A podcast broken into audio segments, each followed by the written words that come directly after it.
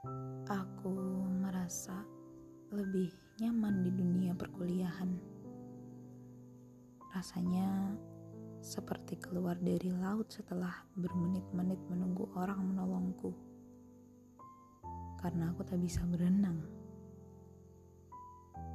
Dulu semasa sekolah, aku berjuang keras agar nilai penjas orkesku di atas delapan. Rasanya berat banget ketika mendribel bola basket, justru aku yang dipermainkan oleh bola. Kemudian aku tertawa palsu melihat bola menggelinding menjauhiku dan aku sempoyongan mengejarnya. Dilihat banyak siswa ketika jam pelajarannya pas istirahat, rasanya ingin berhenti saja dan lari ke kelas kemudian menenggelamkan kepala dan sesenggukan. Semasa SMP, aku pernah nangis-nangis di atas kertas gambar yang penuh coretan kaku. Seringkali warna krayon yang sudah kutorekan di kertas luntur karena air mataku. Sampai di sekolah rasanya berat banget buat buka gulungan kertas berisi lukisanku. Ah mana ada lukisan seburuk itu memperhatikan teman dekatku yang dipuji dengan lukisannya yang tak pernah buruk di mataku. Rasanya iri. Jujur, aku ingin bisa sepertinya. Tapi apa daya tanganku tak selincah tangannya dan imajinasiku tak seindah imajinasinya. Saat SMA, Aku terlalu bodoh memilih lintas minat geografi. Aku seperti bunuh diri sebelum orang lain berniat membunuhku. Saat hari di mana ulangan harian tiba, aku menyendiri sekuat mungkin belajar memahami karena aku tak pandai menghafal jikalau berhasil menghafal, beberapa menit setelahnya aku sudah lupa. Bahkan untuk berhasil menghafal saja rasanya kepala sudah mau pecah.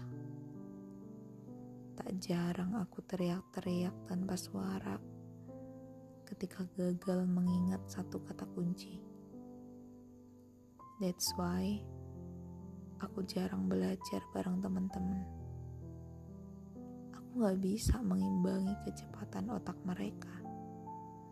Dan aku juga gak mau jadi beban mereka jika aku bergabung. Serba salah rasanya.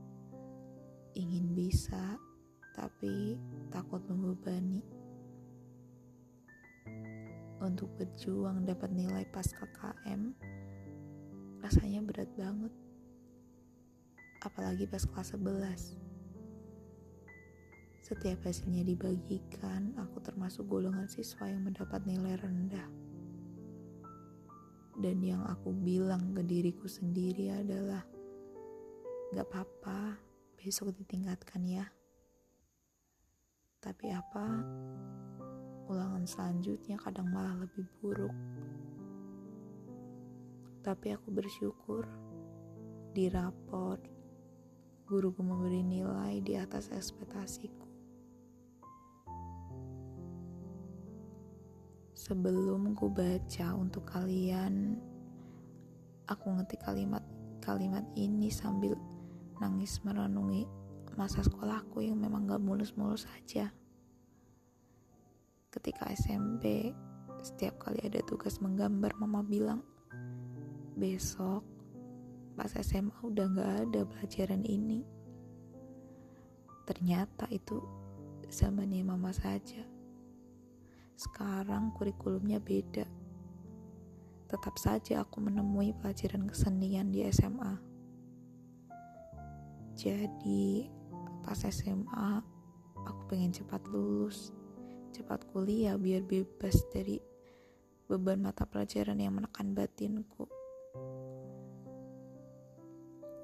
Kalian percaya kan?